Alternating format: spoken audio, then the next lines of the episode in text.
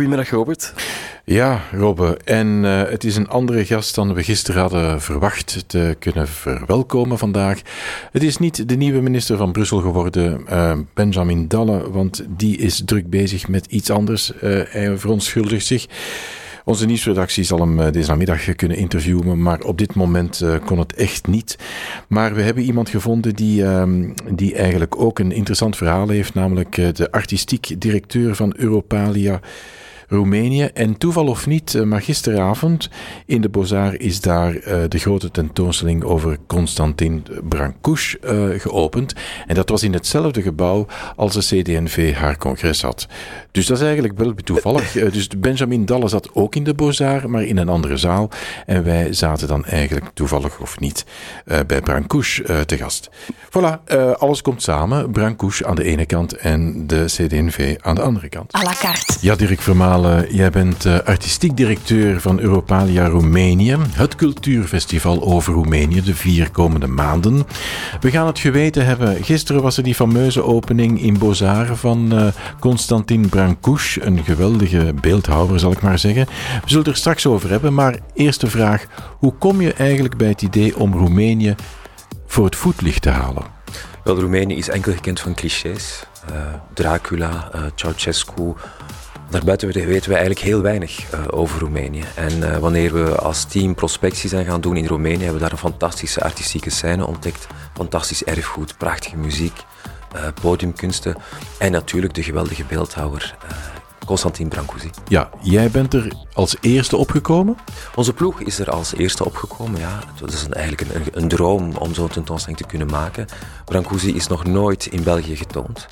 Um, en het is 25 jaar geleden dat er de laatste retrospectieve was uh, in, in Centre Pompidou.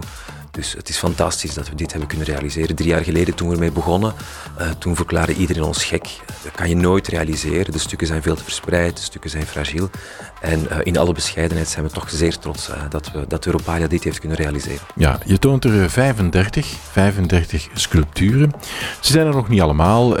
sommige kastjes hebben een foto en daar staat op vanaf mm -hmm. 4 oktober. -hmm. Ja, ik heb het gezien, mm -hmm. mijn beste Dirk Vermalen. Wij kijken altijd naar de fout in, in zo'n zaak. Uh, dus eentje, eentje mankeert er nog. Ja, maar dat is een Medardo Rosso. Dat is geen Brancusi, uh, die uit Italië moet komen. En de Italiaanse bureaucratie heeft wat stokken in de wielen gestoken. Maar uh, we zijn vandaag woensdag. vrijdagochtend staat hij in de tentoonstelling. We praten er zo meteen verder over. Ja, ik heb nog een kleine vraag. Is het nu Brancusi of Brancusi? Ik hoor van alles. Ik zeg Brancusi. Jij zegt Brancusi, dan gaan wij misschien ook zoals... Brancusi zeggen. Voor, voor de duidelijkheid, hè. Voor, voor... Ja, ja, maar ik heb het gisteren gehoord. Officieel is het Brancusi. Officieel in het Roemeens is het Brancusi, maar hij zelf uh, in Frankrijk, hij gebruikt, hij, hij zei het ook als Brancusi. Ah, ja, ja.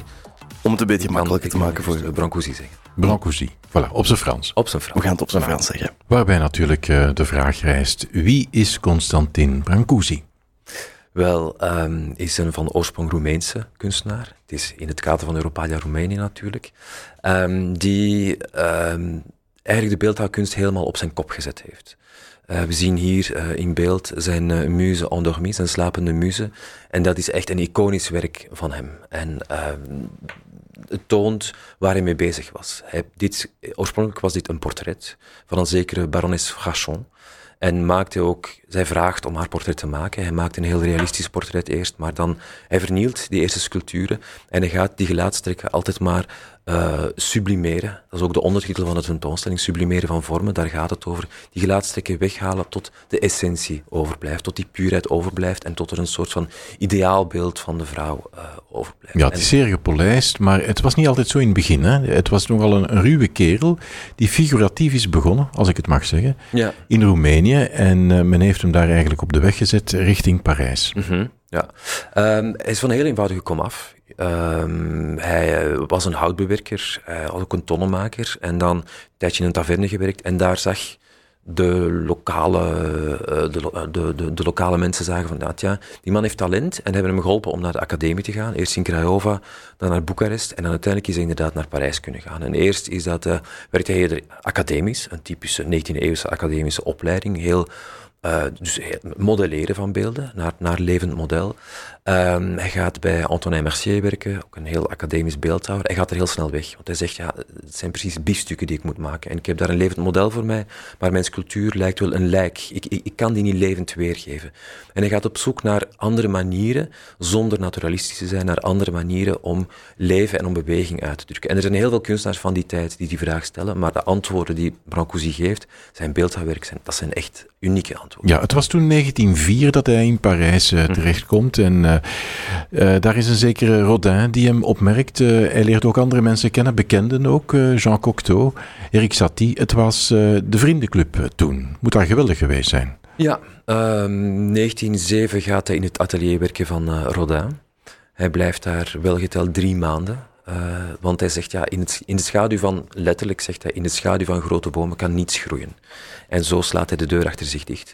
Rodin blijft altijd een inspiratiebron doorheen de hele periode, maar hij wil zijn eigen pad kiezen.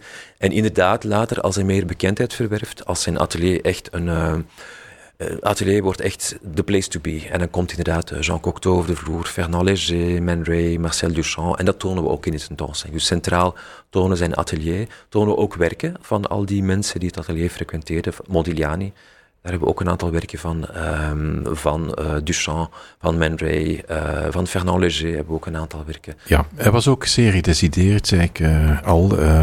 we zien dat ook in de video bij het begin van de, van de tentoonstelling, dat hij een man was uit één stuk. Het was geen simpele ziel.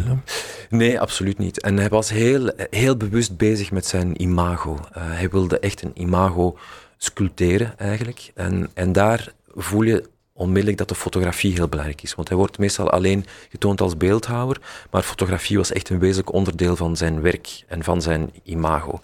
Um, aan de ene kant zijn er die zelfportretten, waar hij zich telkens uh, heel bewust uh, portretteert. Hij, hij, portretteert zich ook op die zogezegde voetreis van, van Boekarest naar Parijs. Dat was niet, niet volledig een mhm. voetreis, hij heeft stukken per trein gedaan, maar hij creëert zo'n aura rond zich. Die man is helemaal van Boekarest naar Parijs gekomen. Wauw. Um, en uh, ook hij, zijn fotografie was ook belangrijk voor zijn beeldhouwwerk. In zijn fotografie zegt hij, fotografie zegt hij, zo moet je mijn beeldhouwwerk zien en niet anders. En alleen hij zelf, vanaf een bepaald moment, mocht zichzelf en zijn beeldhouwwerk uh, fotograferen. Ja. En daarom is die fotografie zo belangrijk, omdat dat, een, uh, omdat dat sleutels zijn eigenlijk om zijn beeldhouwwerk uh, te kunnen lezen. Ja, heel kort. er is ook choreografie te zien van Anna-Theresa de Keersmaker. Vertel eens. Wel, elke donderdag, vrijdag en zaterdag in de tentoonstelling hebben we performances. permanent, dus vanaf nu tot het einde van de tentoonstelling, is dat inderdaad een choreografie van Anne-Theresa de Keersmaker, een solo. Um, afgewisseld met een aantal Roemeense performers uh, en een andere, Gaetan Rusquet, een, uh, een, een, ook een performer die in België gebaseerd is. Het is een volledig concept dus? Het is een volledig concept. Er is ook Studio ABC voor uh, kinderen en families die, die de hele tijd van de tentoonstelling te bezoeken is. Europalia Roemenië is inderdaad meer natuurlijk dan deze mooie expo in Bozar. er is van alles te doen in het hele land op het vlak van podiumkunsten, muziek, literatuur, cinema. Vertel eens mijn beste Dirk Vermalen. Wat heb je allemaal in het badje liggen? Wel, een 260-tal evenementen over heel België en zelfs in omstreken, waarvan 26 tentoonstellingen. Dus um, waar zal ik beginnen? Ja. Um, heb je die allemaal uitgekozen en nagevlooid? Ja, ja, dat moet je doen. Uh, als je iets brengt, uh, dan moet je er zeker van zijn. Dus die hebben we samen met de ploeg en samen met alle partners. Hè, want dat festival is echt een dialoog. Je werkt samen met een ploeg hier, een ploeg uh, in het gastland en ook met al de venues. Ik zou er al mijn haar bij verliezen, maar bij jou is dat helemaal niet het dat geval. Voor mij wordt alleen maar grijs. Ja. maar goed, hoe lang ben je ermee bezig al? Um, sinds 2014 zijn er de eerste gesprekken geweest. Eerst keer naar daar gegaan, gaan, gaan rondreizen, prospectie gaan doen, uh, collecties gaan bekijken, uh, artiesten bezocht, curatoren. En zo begin je stilaan op te bouwen. Uh, zoals ik net zei, dan ga je ook partners hier bezoeken. Ga je met curatoren van SMAC praten, met Theater de Liège, KVS, KI Theater. En zo bouw je samen een een programma op. Ja. Uh, en nodig je ook die mensen uit. Uh, nodig je de Roemenen hier uit om te, om te komen kijken waar, wat zijn jullie interesses, um, wat interesseert het publiek en omgekeerd. Ja. We, we, nodigen onze partners uit om naar hier te gaan en om de cultuur Ik zei het er net al, er is van alles te zien en te doen uh, in het hele land. Maar beginnen we eens bij Brussel. Is er nog iets te doen buiten deze expo in de Bozar? Wel, er is een tweede tentoonstelling in Bozar, die toch wel uh, goed is om te vermelden. Dat is uh, de tentoonstelling Perspectives. En dat is een inleiding op Roemenië en op het festival. Met uh, twee, twee belangrijke data. 1848, dat is echt het ontstaan van Roemenië, het ontstaan van een nationale identiteit. Aan de ene kant, eerste revoluties, en aan de andere kant 1989. De val van Ceausescu, precies 30 jaar geleden. En daar gaan we ook in het festival aandacht aan besteden. En in het midden van die twee data heb je de historische avant-garde avant-garde. Dus echt een inleiding op het Roemenië van vandaag, met hedendaagse kunstenaars die daarop terugkijken. En tegelijkertijd een inleiding op het festival, omdat er kunstenaars getoond worden die terugkomen in het festival. Bijvoorbeeld een Ciprian Mureșan, die hmm. een solo krijgt in het SMAC, Ion Gregorescu, die een kiosk in Gent een solo krijgt, uh, enzovoort. Verwijzing naar, naar Brancusi, enzovoort, enzovoort. Ja, iets wat mij altijd heeft beziggehouden is uh, die band tussen Frankrijk, of de Franse cultuur en de Roemeense cultuur. Hoe leg je die uit? Die was, die was inderdaad heel sterk. Uh, Boekarest werd ook uh, Le Petit Paris genoemd. Um, ja, zoals uh, Parijs was, is, is, is voor vele landen, andere steden, een aantrekkingspool geweest. En dat heeft geduurd tot, tot, tot het einde van het communisme eigenlijk. Ceausescu was ook een grote fan van de Franstalige muziek. Adamo is verschillende keren naar, naar Boekarest geweest. Ehm, maar de nieuwe generatie is toch eerder, focust zich meer op Angelsaksische landen en is, is eigenlijk meer Engelstalig dan Franstalig. Dus het is een beetje aan het verwateren eigenlijk. Ja, ik heb ook uh, goed geluisterd om te, uh, eruit te concluderen dat de hedendaagse kunstenaars zeer zeker ook aan bod komen. Absoluut. Ja. Uh, waar is daar de strekking bij? Ik bedoel, ehm, wat is daar zo opvallend in? In die strekking van de hedendaagse kunstenaars? Ik, ik, denk, het, het, het is, um, we tonen een aantal monografieën. Um, in, in het festival. En daarnaast groepstentoonstellingen. Inderdaad, om te gaan kijken waar, bijvoorbeeld in La Louvière is een tentoonstelling in het Mil. En gaan we kijken waar is die laatste generatie mee bezig, sinds 2010 ongeveer. ongeveer. En je ziet na de val van Ceausescu dat ze eerder bezig zijn met communisme, postcommunisme, die, die, uh, die afbeeldingen van Ceausescu, hoe gaan we daarmee om enzovoort. En nu voel je dat het veel meer geglobaliseerd wordt en dat ze echt met thema's bezig zijn zoals we, waar we hier mee bezig zijn. Nou, Ceausescu in 1989, dat is ook de dood en de moord op uh, Danny Huwe. Um, van VTM. Dat was een gruwelijk moment. Uh, daar gaat ook iets over gebeuren. Ja, uh, Terry Verbist, dat is uh, zijn collega-journalist die in der tijd uh, naar Roemenië afgereisd is om Danny, om het, om, om Danny te gaan zoeken. gaat, is net is gisteren opnieuw vertrokken naar, naar Roemenië. hij gaat eerst naar Timișoara, dat is de plek waar de revolutie begonnen is. En dan reist hij naar Boekarest om opnieuw onderzoek te gaan doen. Wat is er toen gebeurd? En, en kunnen we vandaag misschien meer antwoorden krijgen dan 30 jaar geleden? Ja, het wordt sowieso uh, heel boeiend. Hij is onlangs ook geëerd in uh, Roemenië. heeft een, uh, een straat vernoemd naar zich gekregen. Geloof in, in, in, Boeda? in Boekarest. In Boekarest, geloof ik, ja. inderdaad. À la carte. Ja, nee. Ja, Dirk Vermalen. Ja, nee. Snel antwoorden, niet te lang nadenken. Het kan soms een en ander zijn. hier gaan we. Roemenië heeft vaak een duistere en kwalijke reputatie. Ja, het Roemenië van vandaag is jong en dynamisch. Ja. Kunst en cultuur zijn nog steeds een zaak voor de happy few. Nee. Europalia is zoals de EU, belangrijk maar ver van de mensen. Nee. Cultuur is zoals het klimaat, het is onze enige redding. Ja. Voilà. Ja, u blijft nogal rustig bij. Europalia is zoals de EU, belangrijk maar ver van de mensen. Ja, u zegt nee, maar, maar is het ook zo? Ik denk dat Europalia toch heel sterk veranderd is in de, in de laatste jaren. Um, het is zo dat, uh, dat er een tijd geweest is dat het eerder vitrinefestivals waren, met een zekere, met een zekere drempel. Maar daar hebben we heel sterk aan gewerkt. Um, in de zin van, we proberen het zeer actueel te maken. Er zit heel, veel meer hedendaagse kunst in het festival. Veel meer nieuwe creaties in elke discipline. Zowel in de muziek uh, als in de podiumkunst. Uh, ook ook in, in de beeldende kunst, choreografie van de Anne-Theresa. In de Brancusi tentoonstelling. En heel veel uitwisselingen tussen kunstenaars van Ginder, kunstenaars van hier. En heel veel dingen waarbij we het, het publiek echt actief gaan betrekken. Ook een focus op, op jongeren, op kinderen. Studio ABC in de Brancusi tentoonstelling. Dus ik denk, ik denk toch niet dat we ver van de mensen staan. Ja, je doet ook een poging deze week om er een tweede opening van te maken. Ja. Een officieuze, vertel eens.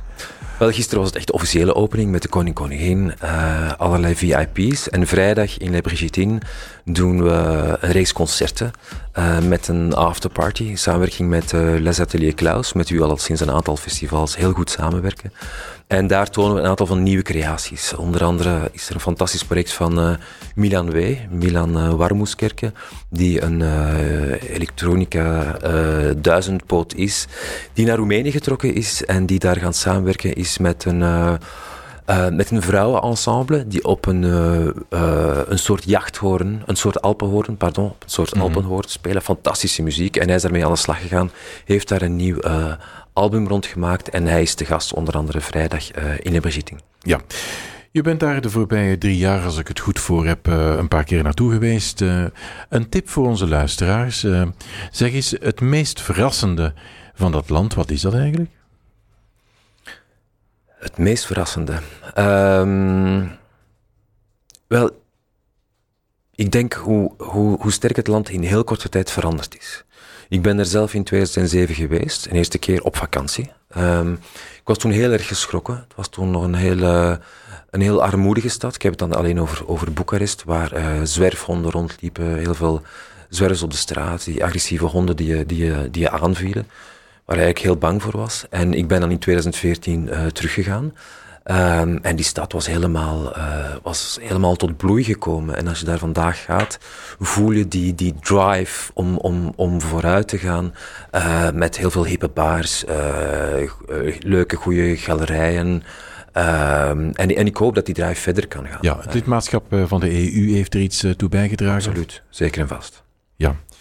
Uh, kan je een paar persoonlijke tips geven voor als je, voor ons bijvoorbeeld, die eventueel naar Roemenië zouden willen gaan voor een tripje? Um, ga zeker naar Boekarest. Dat is een ontdekking. Um, hoe die stad, hoe je die uh, 19e eeuwse architectuur hebt, dan het uh, overweldigende paleis van uh, Ceausescu dat daar gekomen is. doe dat zeker. En reis dan rond. Ga naar Tirguju. Uh, dat is de geboortestreek van, van Constantin Brancusi. En dat is de enige plek waar hij een monumentaal architecturaal project heeft neergezet. Dat is zijn eindeloze zuil. En dat is ongelooflijk fantastisch. Is echt de moeite waard. Ja, Dirk, uh, wat ga je de komende weken, maanden doen? Ik vermoed natuurlijk uh, rond Hossen vier maanden lang om alles te zien of alles in orde is in het hele land met Europalia, Romania. Maar daarna interesseert ons eigenlijk ook nog. Je bent eigenlijk ook artistiek directeur van Europalia International. Dus je beperkt je niet tot, Euro, tot Roemenië. Dus de volgende keer is wanneer? Is in 21, binnen twee jaar. En dat is een heel apart festival. Is, uh, heeft geen uh, land als thema, maar heeft uh, de treinen, de spoorwegen als thema. En daarin gaan we kijken wat is de impact geweest van de ontwikkeling van de spoorwegen op kunst. Um, historisch gezien, uh, met een aantal uh, fantastische, boeiende tentoonstellingen. En uh, gaan we dat natuurlijk, natuurlijk veel ruimer maken. Gaan we kijken naar wat, is, wat, wat, wat kan de trein betekenen in de toekomst, mobiliteitskwestie, duurzaamheid enzovoort. En met heel veel residenties, wat ik daar straks zei. Dus nieuwe creaties, uitwisselingen zijn zo belangrijk in het festival. Um, en dus we gaan kunstenaars op treinen zetten, schrijvers, uh, muzikanten, uh, dansers naar en over heel Europa sturen, uh, onderweg werk laten maken en hun ding laten doen in een of ander Europees station of een theaterzaal die, er, die erbij ligt. Ja, maar dan het jaartje nadien heb je nog iets nieuws. Ja, vanochtend had ik daar al een vergadering voor en dat, dat zal Europalia Georgië worden in 2022. Um, ik ben er... Um, Lekkere wijn. Ja, absoluut. De oudste wijncultuur uh, ter wereld. Uh, en uh, zeer lekker, absoluut. Ik heb ja. hem geproefd. Dan mag je ons altijd er... vragen bij de opening. Dat is goed, dat zal ik zeker doen. ik ben er een viertal maanden geleden geweest. Tbilisi, de hoofdstad. Een zeer mooie stad. Um, zeer warme mensen, heel creatieve mensen. Ik kijk, er, ik kijk er enorm naar uit. Het verschil met Roemenië?